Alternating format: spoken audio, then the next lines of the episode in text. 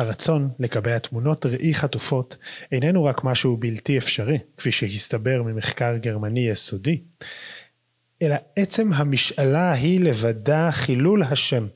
האדם נברא בצלם האלוהים, וצלם האלוהים אינו יכול להיות מונצח באמצעות מכונה אנושית כלשהי. עם הציטוט הזה מהמודיע של לייפציג אי שם במאה ה-19, אה, בואו נתחיל. ברוכות וברוכים הבאים לצילום, הפודקאסט על צילום, צלם ומה שביניהם, עם עמרי קרן לפידות. אני עמרי קרן לפידות עם צילום, הפודקאסט שמדבר על צילום, על עשיית צלמים, על הדרך שבה אנו מנציחות ומנציחים את עצמנו, והאם יש בדבר הזה הנצחה, האם יש פה איזושהי עשיית צלם, שכמו שהאדם נברא בצלם אלוהים, יש בו משהו מן האלוהות, אך לא את הכל, ואולי יש בו גם דברים אחרים. אז את זה מצטט אה, וולטר בנג'מן, הוא מצטט את זה בהיסטוריה קטנה של הצילום, זה ספר נהדר, מאוד מומלץ לכל מי שעוסק או עוסקת בצילום, ברמה שקצת מעל הקראפט נאמר, אה, והוא גם כותב, כאן מופיע במלוא איוולתו המושג של הבור ועם הארץ באמנות. במרכאות, מושג שכל שיקול טכני זר לו ואשר חש שסופו מגיע עם הופעתה המתגרה של הטכניקה החדשה. אה, אני מאוד אוהב את הציטוט הזה, כי אני חושב שהוא נוגע אולי בלב ליבו של אה, מדיום הצילום, והלב הזה, לפחות לראייתי, הוא המתח אה, שבין הצילום כמתעד אובייקטיבי אשר מתאר את המציאות והצילום כ... והצילום כמדיום אומנותי, זאת אומרת, דבר מה שמתווך את הרצונות האומנותיים של הצלם או הצלמת אל הצופה באופן שלא בהכרח מתייחס דווקא לקשר אל המציאות. עכשיו, אחד סותר את השני, שכן, אם הצילום הוא אובייקטיבי, הרי שאין מקום לאמן או לאמנית, אין מקום לאמנות. אין מקום לביטוי האישי, הרי הצילום הוא אובייקטיבי, הוא מבטא את מה שקיים, הוא לא יכול לבטא את מה שברגש, את מה שבסובייקט, את הסובייקטיבי. ואם הצילום הוא כל כולו אה, סובייקטיבי, אם הוא אכן מבטא רכשי לב, אה, מתווך אותם הלאה, איזה עדות הוא נותן? מה הוא יכול לתת לנו כתיעוד כאיזשהו באמת, איזושהי אינדיקציה למציאות עצמה. בפרק של היום נעסוק ב, אה, במתח הזה. כאן צריך לומר, הפרק הזה מוקלט בעת הקורונה, מה שלא מאפשר לי לראיין נשות ואנשי מקצוע, אה, שזה מה שאני בגדול אוהב ורוצה לעשות בערוץ כדי להביא ידע מגוון. הידע שלי הוא בסופו של דבר מאוד מוגבל. אה, אבל בכל זאת חשבתי לעשות סקירה על כל המניפולציות, או לפחות לא, לא על כל המניפולציות, על החלק מהמניפולציות, אולי על החלק המשמעותי יותר, אולי על החלק שתופס נתח רחב יותר. אה, מניפולציות שנעשות באמצעות הצילום.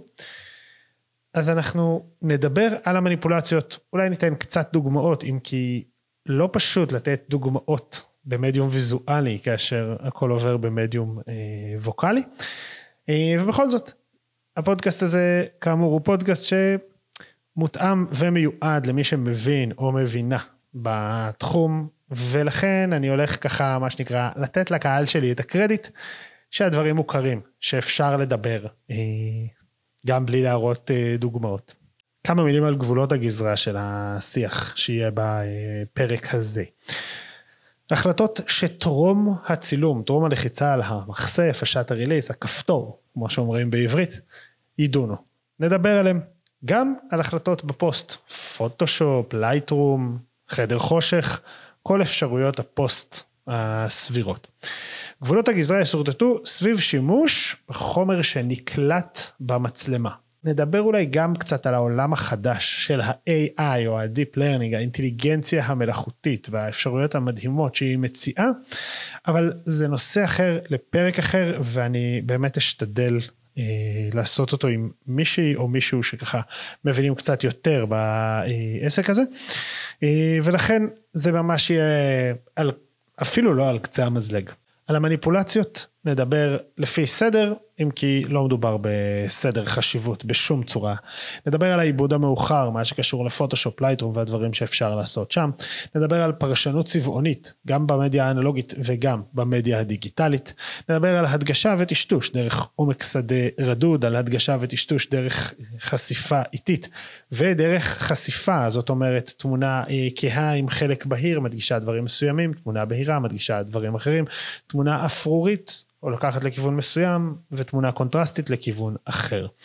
נדבר על אה, אורך המוקד וזווית הראייה אה, ובסוף נדבר על הפריים עצמו. בואו נתחיל.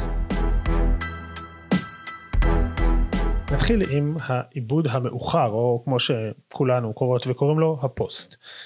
פוסט זה כל מה שנעשה לדימוי כאשר הוא כבר קובץ או תשליל נגטיב או פוזיטיב אבל כשכבר יש לנו איזשהו מוצר, איזשהו אה, עניין מוגמר, והאפשרויות המוגבלות שאפשר לעשות עליו. אפשר לחלק אותו אה, אולי לשני סוגים עיקריים בעולם הדיגיטלי. עיבוד אלגוריתמי, זאת אומרת עיבוד שמפעיל אלגוריתמיקה על הקובץ כולו, זה מה שנעשה בתוכנות כמו Lightroom, Capture One, תוכנות שעורכות קובצי RAW, והחלק השני הוא אה, עיבוד של הוספה שכבתית של מידע נוסף שלא צולם יחד עם התמונה הזאת, מה שנקרא, אה, מה שקוראים בשם הכללי פוטושופ, לעשות פוטושופ לתמונה, לרטש, זה, זה ממש לקחת פיקסלים ולשנות את ייעודם המקורי. זה להוסיף, להחליף שמיים, להחליף פרנים, אה, להחליף את הנוף, להחליף המון דברים אחרים. זה לקחת ולמחוק כל מיני פגמים בפנים בתצלומי פורטרט, אה, ובמקרים אה, אפילו אולי משמעותיים יותר פוליטית, גם למחוק בני אדם, כפי שאפשר לראות בכמה דוגמאות, בין השאר מהשלטון הרוסי, יש דוגמה מפורסמת עם תצלום מרוסיה הסובייטית, בו סטלין מצולם עם עוד כמה אנשים, אה, ובסופו של דבר אחד מהם הועלם מהתצלום. עכשיו, אנחנו מדברים פה על רוסיה הסובייטית, עוד לא היו מחשבים, לא כל שכן פוטושופ, אה, ובכל זאת, הצליחו להעלים מישהו אה, מההיסטוריה. לא רק להעלים אותו, אין ספק שהוא הועלם גם ברמה, ברמת ההווה, באיזשהו בור בסיביר או whatever, אבל בזה שהוא נמחק מהצילום, הנגטיב הושמד אה, ונוצר במקומו נגטיב חדש בו האדם לא מופיע, הוא נמחק אה, מההיסטוריה. זה למעשה האקט החשוב של הפעולה הזאת, משום שגם היום אנחנו תופסות ותופסים את הצילום כאיזושהי עדות על אה, מציאות. יש ציטוט נהדר של סוזן זונטג ב-on photography, הצילום כראי התקופה, והיא אומרת שם את המשפט המאוד פשוט, תצלומים מספקים עדות, דבר מה ששמענו על אודותיו, אך אנו מפקפקים באמיתותו, נראה במוכח שעה שמראים לנו את תצלומו. היא לא אומרת את זה כקביעה, היא אומרת את זה כדבר ביקורת. למה בעצם כשנראה תמונה פתאום יש לנו הוכחה, יש פה יש פה שאלה משמעותית שהולכת ונהיית יותר ויותר אה, משמעותית. היו לא מעט מקרים של אה, זיופים כאלה ואחרים בשנים האחרונות. אה, היה צילום בתחרות של, אם אני זוכר נכון, ניקון, של מטוס שעובר בדיוק דרך איזשהו סולם ויוצר איזו קומפוזיציה מאוד יפה, המטוס הודבק שם וחשפו את זה באופן מאוד, זאת אומרת זה נעשה באופן מגושם ונחשף מאוד מהר. אה, באחת מתחרויות הטבע הרציניות של השנים האחרונות זכה אה, צלם שהעמיד פוחלץ של דוב נמלים ליד קן נמלים וצילם אותו בלילה, מה שנראה כצילום טבע מאוד נדיר, למעשה השתמש בהקפאה של הפחלוץ, שקשה לראות אותה, בהקפאה של הצילום. אה, ורק דרך איזה זיהוי של מישהו שהכיר את הפוחלץ והכיר את התנוחה הזה, העסק נפתר, היה לנו צלם לבנוני שהיה אה, זורק אה, צעצועים אה, באזורי אסון כדי לחזק את המסר, כדי בעצם לרמוז לצופים שאין כאן סתם מבנה הרוס, יש כאן מבנה הרוס שהיו בו ילדים. ויש עוד באמת מגוון עצום, אינסופי של אה, מניפולציות. יש המון ניסיון להילחם בהן, אה, גם ברמה הטכנולוגית וגם אה, ברמת הקודקים של חברות אה, צילומי העיתונות, אבל עדיין אנחנו תחת תפיסה מסוימת שתצלום הוא הוכחה, אם כי התפיסה הזאת בהחלט מתערערת, ולדעתי בקרוב היא תתערער גם כלפי וידאו. עם כל הופעת ה deep fake, אבל שוב אמרנו שלא נדבר על זה, אז אני אחזיק את עצמי. אז העיבוד המאוחר מאפשר לנו מגוון מאוד גדול של אה, יכולות מתוך הקובץ הקיים. אם מדובר בשינוי החשיפה, בשינוי היחסים, קונטרסט או אה, אפרוריות, פתיחה של ה highlights וה shadows או סגירה שלהם, אה, ושינויים מאוד מהותיים במשמעות התמונה, אפילו עד כדי קרופים או הוספה של דברים אחרים. גם בהקשר הזה, ה-AI, האינטליגנציה המלאכותית וה-Deep Learning באים לעזרתנו כי הם מאפשרים השלמה הרבה יותר טובה של מידע. אם עד לא מזמן פוטושופ יכולה הייתה להשלים אה, משהו שמחקנו מתוך הקובץ עצמו, מתוך התמונה, ולכן משתמשת באותם חומרי מציאות. היום פוטושופ כבר יודעת ללכת למאגר התמונות הענק של אדובי ולהשלים את התמונה משם, ואז אם נעלים כביש, נניח מסצנה של נוף, התוכנה לא תזדקק רק להשלמות מתוך התמונה עצמה, היא תוכל להשתמש בהשלמות מתמונות אחרות דומות בפלטה הצבעונית, דומות במילות הקישור, דומות בשלל קידודים אחרים, ולאפשר השלמה שתיראה הרבה יותר אמיתית אבל תהיה רחוקה הרבה יותר מהמציאות. זו ממש על קצה המזלג המניפולציה של העיבוד המאוחר, אולי המניפולציה הכי עממית, הכי מוכרת, אה, שכל אה, כל אדם אה, אקראי ידע לציין אותה כדבר שגורם לו או לה לא להאמין לתצלומים שנראים, אבל אני טוען כאן שדווקא בגלל זה לא מדובר במניפולציה המשמעותית ביותר. בואו נעבור למניפולציה הבאה והיא הפרשנות הצבעונית. כאן אנחנו נחלק את זה לפרשנות צבעונית במה שקשור לצילום אנלוגי מול פרשנות צבעונית במה שקשור לצילום דיגיטלי. אה, נתחיל בצילום הדיגיטלי באופן כללי אה, הצילום הדיגיטלי מתבסס על חיישן עכשיו רוב החיישנים היום עובדים במערך שנקרא מערך בייר. מערך בייר אה, בא כדי לתת צבע לחיישן שיודע לקלוט רק לומיננס, רק רמת אור. אז למעשה החיישן הדיגיטלי הוא חיישן שיודע לקלוט רק כמויות אור, דהיינו שחור לבן. רק רמה של אור שנכנסת אליו. בא בייר, או מי שזה לא יהיה, אה, מדען זה או אחר. באמצעות ההמצאה של מערך בייר למעשה פורסת מערך פילטרים אה, שחציו ירוק, רבע ממנו כחול ורבע ממנו אדום על החיישן אה, המונוכרומטי וכל פיקסל מקבל מידע או אדום או כחול או ירוק. אבל אנחנו יודעות ויודעים שלכל פיקסל יש מידע RGB, יש לו את שלושת הערכים. מה שקורה בפועל זה שכל פיקסל ירוק משתמש בשני שכניו הכחולים ושני שכניו האדומים כדי לייצר איזשהו ממוצע.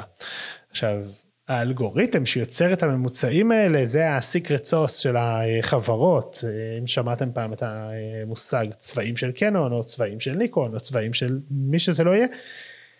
אה, משם זה מגיע, מהאלגוריתמיקה שעומדת מאחורי אה, פעולת הדמוזאיקה, הפעולה הזאת של לקחת את המידע שהגיע לכל פיקסל אה, ולהפוך אותו למידע שנמצא אחר כך בקובץ התמונה, ה-RGB בכל פיקסל.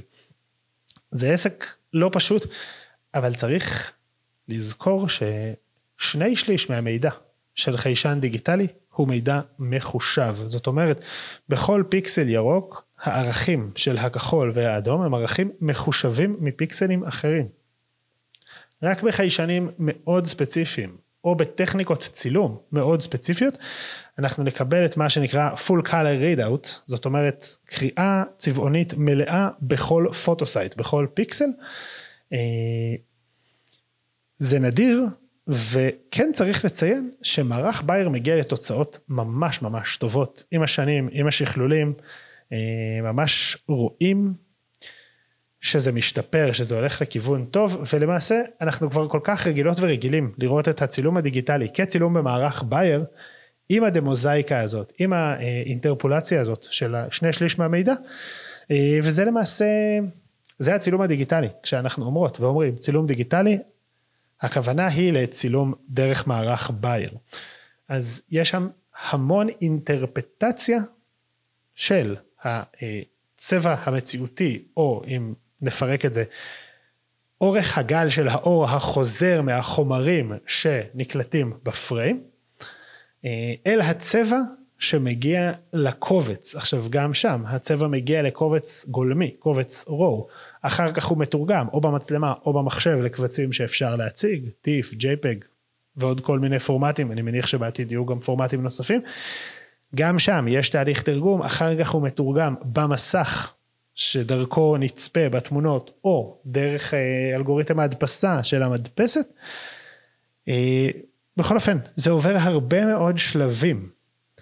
וכאן נשאלת השאלה, האם כאשר אני מצלם תמונה, לצורך העניין תמונות נוף, זו השכונה שלי, אני רוצה שהפרינט הסופי יעביר באופן המדויק ביותר את השיקוף של אורכי הגל שחזרו מהנוף בו פגע האור שנכנס ונקלט במצלמה שלי, או שאני רוצה להעביר באופן המדויק ביותר את התחושה שהייתה לי כאשר עמדתי מול הנוף.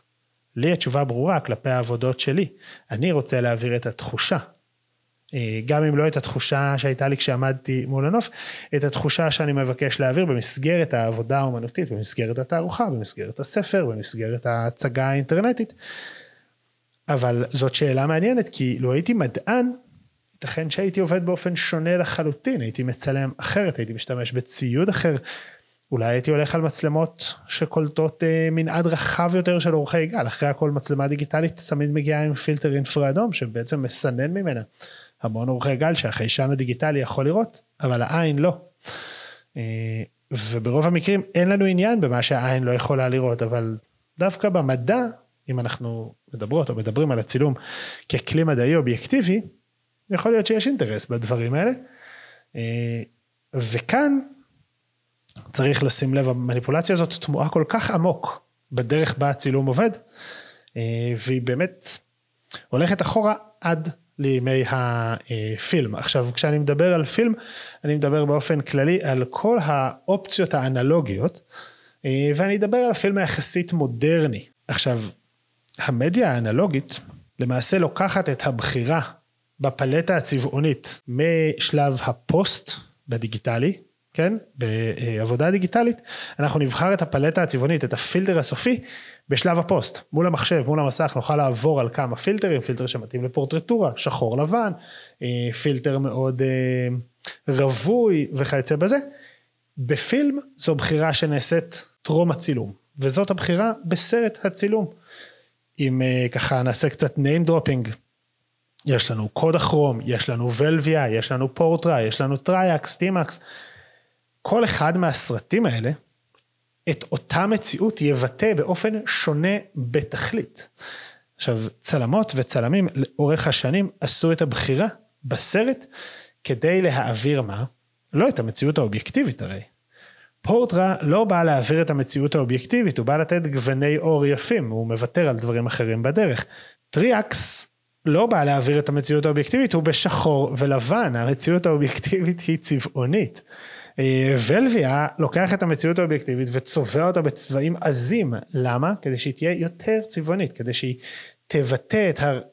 אולי את הרגש שחשנו מול הנוף, כי אחרי הכל, כשאנחנו רואות או רואים פרח אדום בשדה ירוק, יש את האינטרפטציה שבין העין למוח, שמייצרת את הפרח הזה בצורה אדומה אולי יותר מאיך שהמצלמה הייתה רואה אותו, המצלמה היא אובייקטיבית במידה מסוימת.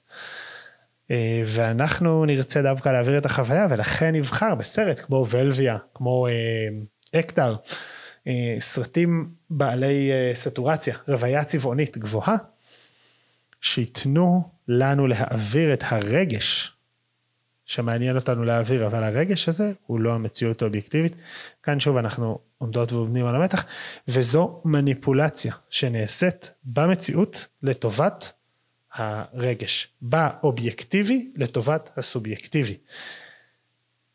חשוב להבין את זה בהקשר של אה, צילום אנלוגי, ואנחנו עוד אה, נעמיק ונדבר על צילום אנלוגי מול צילום דיגיטלי בהמשך הפודקאסט, מבטיח, אבל חשוב להבין שהמניפולציה הזאת היא עזה ומשמעותית בצילום האנלוגי, שצלמות וצלמים בעבר השתמשו בה בצורה אה, הצינית והמניפולטיבית ביותר האפשרית, וזה בסדר, זה חלק מהעסק. וחשוב להבין שבהקשר הזה אין הבדל גדול בין צילום דיגיטלי לצילום אנלוגי, מלבד אה, התזמון של הבחירה. בצילום דיגיטלי הבחירה בצבעוניות היא בפוסט, בצילום האנלוגי היא טרום הלחיצה.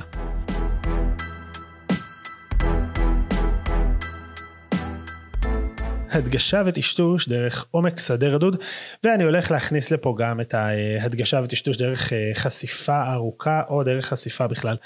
המצלמה היא למעשה סוג של ברז, היא יודעת להכניס אה, אור בכמויות מסוימות דרך הצמצם שנפתח ונסגר ומחליט כמה אור יעבור את העדשה אל התריס שנפתח ונסגר ומחליט לכמה זמן אותו אור יפגע בחיישן או בסרט הצילום, וכלה בחיישן או בסרט הצילום, שמחליט כמה הוא רגיש לאור שיעבור את כל המערכת הזאת. עכשיו, לכל אחד מהחבר'ה האלה יש גם סייד אפקט, שלפעמים הוא האפקט המשמעותי יותר. לצורך העניין לרגישות הסרט יש אפקט של גרעיניות, גם לסוג הסרט אבל גם לרגישות. סרטים רגישים יותר הם גרעיניים יותר. זה נותן להם גם פחות רזולוציה, אבל זה הדבר הפחות מעניין, זה נותן להם איזושהי תחושה אחרת, נראות אחרת. מהירות החשיפה, הסייד אפקט ואולי האפקט המשמעותי שלה, הוא האפשרות למרוח או להקפיא תנועה. אפשר לצלם במהירות חשיפה נמוכה יחסית ואז למרוח תנועה אה, של כל דבר שזה לא יהיה שזז, אני אתן לדמיון שלכם אה, לטוס. אפשר לעשות את זה אה, בטריק הלעוס, לעייפה של פנינג, נניח לעקוב אחרי משהו שנע מכונית, רוכב אופניים, לעקוב אחריו, ואז כל הרקע נמרח והתנועה נראית מאוד מהירה, למרות שהיא לא בהכרח מהירה. ובאמת אפשר לעשות עם זה המון דברים, בעיניי זה אחד הטשטוש תנועה שכזה, הוא סממן לצילום אותנטי בעיניי, לדעתי משום שהוא מתחבר לנו לצילום האנלוגי שהיה מוגבל הרבה יותר ברגישויות אלינו יכול לעלות. אבל זה כבר באמת דעה שלי, זה לא, לא נחקר. ויש לנו את ההדגשה והטשטוש דרך עומק השדה שהוא הסייד אפקט של הצמצם. ככל שהצמצם פתוח יותר, יש טשטוש גדול יותר מנקודת הפוקוס הלאה וקדימה אל המצלמה, יש מה שנקרא circle of confusion גדל. זה, זאת איכות אופטית, אני לא הולך להסביר אותה יותר מדי, אני מניח שברגע שאמרתי עומק שדה, מה שנקרא, מי שלא יודע מה זה עומק שדה, יש המון מקומות שאפשר לבדוק את זה, אני יכול גם לצרף פה סרטונים, אבל אה, אני, אני אתייחס לזה כאקסיומה. בכל אופן, דרך הבחירה מה יהיה בפוקוס ומה לא יהיה בפוקוס, אנחנו יכולות ויכולים לעשות שינוי מאוד גדול באיך תיראה המציאות שמולנו בתמונה שאחרי. לצורך העניין יש צילום מפורסם שאני לא זוכר עכשיו אה, מי צילם שבו נראית מפגינה תוקעת פרח בקנה רובה של איש המשמר הלאומי לדעתי הפגנות אה, סביב אה, מלחמת וייטנאם. עכשיו ליד אותו איש של משמר הלאומי יש עוד אחד ועוד אחד ועוד אחד ועוד אחד. אפשר לזהות שם אני חושב אולי עשרה או חמישה עשר אנשי המשמר הלאומי, אבל הצלם עשה בחירה של לצלם בצמצם מאוד פתוח, ולכן מה שקורה לאותו איש אה, משמר לאומי, לאותו שוטר במדים, אה, זה שהוא מאוד חד, המפגינה והפרח מאוד חדים, אבל הבא אחריו כבר מטושטש, הבא אחריו עוד יותר מטושטש, וכך הלאה, עד שזה הופך להיות מין גוש אחיד של קסדות לבנות ומעילים שחורים, וזה מייצר תפיסה של אחידות, של אה, אינסופיות, של, של כוח השיטור הזה מול המפגינה שהיא אינדיבידואלית יחידה, עושה את האקט המאוד יפה הזה של לשים פרח בקנה הרובה. עכשיו, זה כמובן מתיישב על מסורות אמריקאיות של אינדיבידואליזם ושל אה, סוג של חתרנות נגד אה, משטרים וכיוצא בזה. הצלם ידע בדיוק למה הוא מתכוון, לפחות למיטב הבנתי, כשהתמונה הזאת צולמה. יש פה שימוש באמצעי הוויזואלי של עומק שדה רדוד כדי לייצר מסר, כדי לייצר דיון. לו היה מצלם את זה בצמצם סגור, וכל השוטרים האלה היינו רואים את פניהם, התמונה הייתה מקבלת כיוון אחר לחלוטין. אז השימוש בצמצם, השימוש בתריס, והשימוש בחשיפה כדי להדגיש או לטשטש קונטרסטים, דברים חשוכים, דברים מוארים וכיוצא בזה, משהו מאוד מאוד נוכח ב, אה, בז'אנר שנקרא צילום רחוב, שהוא למעשה אולי הגלגול הקפיטליסטי של הצילום אה, הדוקומנטרי של צילום המלחמות, זה ז'אנר שמאפשר אה, לוויקנד ווריורס כאלה, לנשים ואנשים שככה יש להם את העבודה היומית, אבל פעם ב- אפשר, יכולים לצאת עם מצלמה, זה מאפשר אולי את ה... אדרנלין של הציד האנתרופולוגי, למרות שבדרך כלל זה הכל נראה מאוד מאוד דומה, מלבד כמה צלמות וצלמים באמת יוצאי דופן. אז זה בהקשר הזה. ועכשיו נדבר על מניפולציה נוספת שהיא אורך המוקד, או חשוב יותר, נכון יותר, זווית הראייה.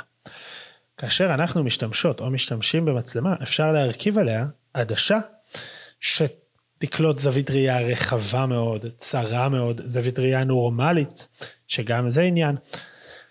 כל זווית ראייה יש לה אה, מגוון מאוד גדול של אה, השפעות. לצורך העניין, זווית ראייה רחבה תבליט באופן אה, מעט מעוות כל מה שקרוב למצלמה ותעלים כמעט לחלוטין את מה שנמצא במרחק. אה, זו דרך שמשמשת בין השאר בצילומי ארכיטקטורה ונדל"ן כדי לקחת חדר קטן מאוד ולהראות אותו כאילו הוא מאוד מאוד אה, גדול זה זו מניפולציה זולה אבל היא עובדת. אה, אפשר להשתמש בה גם בצילום דוקומנטרי כדי להראות ארבעה אנשים כאילו הם ממלאים פריים וכאילו הם המונים ובאופן כללי זו זווית ראייה שמתעדפת בצורה ברורה את מה שקרוב למצלמה ותופסת הרבה ממנו. לעומתה, אה, הזווית הטלסקופית, זווית טלה, נניח 85 מילימטר ומעלה בפורמט 35 מילימטר, לוקחת חלק קטן מתוך מה שמולנו, ולכן במידה מסוימת מתעדפת את הרחוק על פני הקרוב.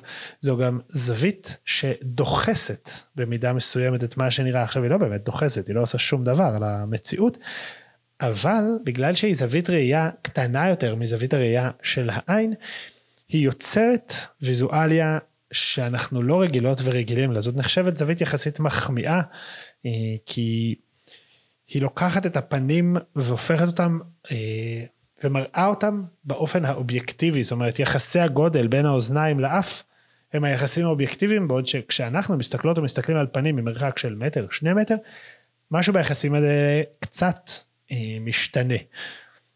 עבודה מעניינת שנעשתה אה, בזווית טלסקופית היא אה, עבודה של פיליפ לורקה דיקורסיה, שהשתמש גם במבזקים, אגב, אם דיברנו על המניפולציה שבחשיפה, כדי לצלם מרחוק ולהאיר נשים ואנשים שעמדו ברמזור ולהפוך אותם לפורטרטים של ממש, פורטרטים של סטודיו, כאשר למעשה מדובר בנשים ואנשים שפשוט הלכו ברחוב בניו יורק. יש פה הרחקה אדירה מן המציאות באמצעים שהם כמעט כולם, אולי אפילו כולם, טרום הצילום. אין פה כמעט עבודת פוסט, היא כמעט לא נדרשת בעבודה הזאת, ובכל זאת המניפולציה היא אדירה. רניקה דיקסטרה עושה את השימוש בעדשות אה, טלסקופיות בשעה שהיא מתישה מצולמות ומצולמים, אם אני זוכר נכון, בסדרה על חוף הים. אה, היא פשוט עומדת רחוק, כך שאי אפשר להבחין אם היא מצלמת, אם היא צילמה, אם היא הולכת לצלם. ובאופן כללי זו צלמת שעובדת המון עם עקרונות של התשת המצולמות והמצולמים כדי לקלף את כל המסכות. אז זו גם דרך, משום שהזווית הטלסקופית מדגישה את מה שרחוק, ולכן היא יכולה להעמיד את המצולמת או המצולם שלה רחוק ממנה. כמובן שבכל מה שקשור לצילום טבע, ויילד לייף, צילומי חדשות מסוגים מסוימים, אה, וכמובן צילומים אסטרונומיים למיניהם, עדשות טלסקופיות הם הבונטון, זה מה שמשתמשים בו, אבל זה אולי דווקא יותר מה, לכיוון האובייקטיבי, פשוט כדי לראות טוב יותר את מה שרחוק. אז יש לסוג כזה של עדשות, או למניפולציה שהן עושות, גם שימושים מדעיים וגם שימושים אומנותיים, אבל בהחלט מדובר במניפולציה. וזה אולי המקום ללכת למניפולציה הגדולה ביותר, והיא המניפולציה של הפריים עצמו.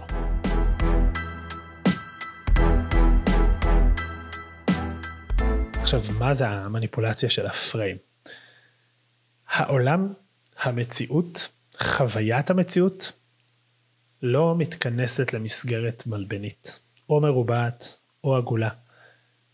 העיניים שלנו לא רואות מסגרת, הן רואות משהו שפשוט מתפוגג החוצה. המצלמה לוקחת מה שזה לא יהיה במציאות וממסגרת אותו בריבוע. הריבוע הזה אה, נגזר מהמגבלות הטכנולוגיות של הפלטה, של הפילם, של החומרים הזמינים, של יכולת העדשה להאיר, אה, להקרין אור אל תוך הקאמרה אובסקורה, והיכולת שלנו לייצר אה, משטח רגיש לאור שיקלוט את זה.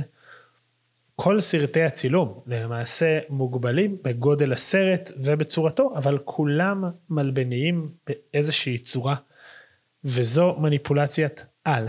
כל תמונה שראינו, למעשה גם כל סרט שראינו, מתאר אך ורק את מה שמתרחש בתוך מסגרת מלבנית, שהיא crop, חתך, fraction, שבריר, חלק מאוד מאוד קטן מהמציאות הכללית. יש תמיד את התרגילים האלה של מה לא ראו בתמונה, הרבה פעמים באירועים חדשותיים בהם יש כמה צלמות וצלמים, אפשר לראות את זה.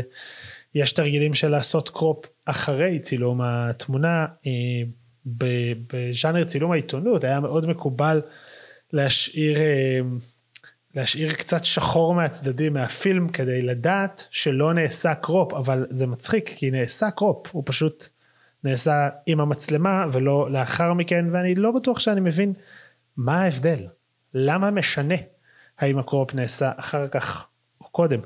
יש כאן איזושהי קדושה נוסטלגיסטית לדעתי כלפי המצלמה, כלפי ההירואיות של הצילום המתעד, שאומרת אם זה מה שהצלם ראה דרך מצלמתו זה אותנטי או אותנטי דיו. אבל אני משתדל להתנתק מהנוסטלגיזם הזה, ובטח מהתחושה ההירואית, מהכבוד לאנשים והאנשים שבאמת שמו הרבה על הכף, הסתכנו סיכונים משמעותיים כדי להביא את המציאות לפתח דלתנו, אבל הביאו דבר מה שהם והן ראו דרך הסד של הפריים המלבני שהוכתב להם על ידי יצרני המצלמות לא כזה רומנטי כשמביאים את זה ככה. ולכן אני חושב שהמניפולציה אולי הגדולה והמשמעותית ביותר שקשורה לצילום היא המניפולציה השקופה. כמו בהמון מקרים, כל מה שצריך לעשות כדי לדעת איפה נמצא מקור הכוח הוא להבחין מיהו השקוף. איפה הדבר שעליו לא מדברות או מדברים. במקרה של הצילום זה הפריים. הפריים לא מדובר ולכן בעיניי שם שוכן הכוח. ביכולת של הצלם והצלמת לבחור מה נכנס לתוך תיעוד המציאות, אבל לצאת נקיים מהבחירה הזאת כאילו מה שנכנס הוא מה שהיה, זה המקום המסוכן ביותר, דווקא משום שהוא מאוד מאוד אמין. אז אם לסכם את העניין הזה, את המתח הזה, שבין צילום שהוא ביטוי לנפש האמן או האמנית, לבין צילום שהוא ביטוי למציאות האובייקטיבית. המתח הזה תמיד יתקיים, הצילום הוא שפה, כשם שבשפה אפשר לדבר דברי שקר ואפשר לומר דברי אמת, כך גם בצילום ויותר מזה, כשמו של פודקאסט זה, ואולי הנושא המהותי שעומד בליבו, הצילום הוא יצירת צלם. הצילום מוותר על אספקטים מסוימים, על התלת מימדיות של המציאות, על זרימתה בזמן, על זה שהיא לא עובדת בקרופ, בפריים, היא לא עובדת במלבנים, אבל מאפשר הנצחה שלה.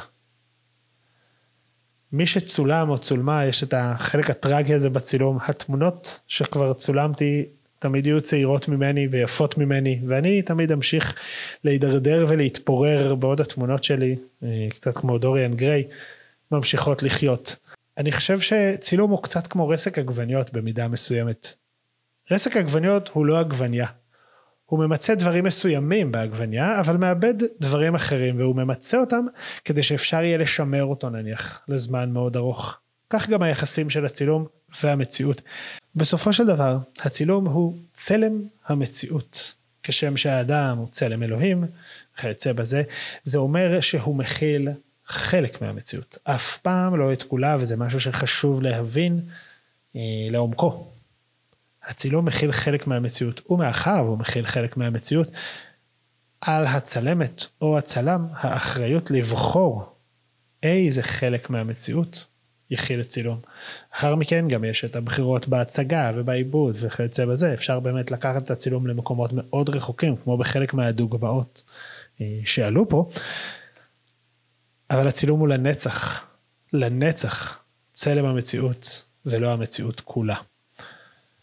אני רוצה לסכם בציטוט יפהפה של אה, רוברט אדמס, שאני יכול רק להמליץ לקרוא כל דבר שהוא כתב אני לא קראתי כל דבר שהוא כתב, אבל אני ממש ממליץ. אה, ואלה הדברים, זה באנגלית, אז קודם כל סלחו לי על המבטא, לא השפה הראשונה שלי, אבל אני אעשה אה, כמיטב יכולתי.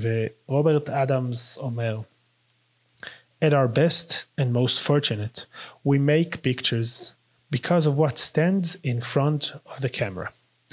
To honor what is greater and more interesting than we are. We never accomplish this perfectly. though in return we are given something perfect a sense of inclusion.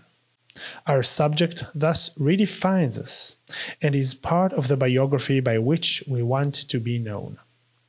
כך בפסקה מופתית אחת מציג אדמס את התמורה המנטלית שחלה במדיום עם השנים ובמידה מסוימת חלה בכל אחד ואחת מאיתנו שעוסק או עוסקת בו.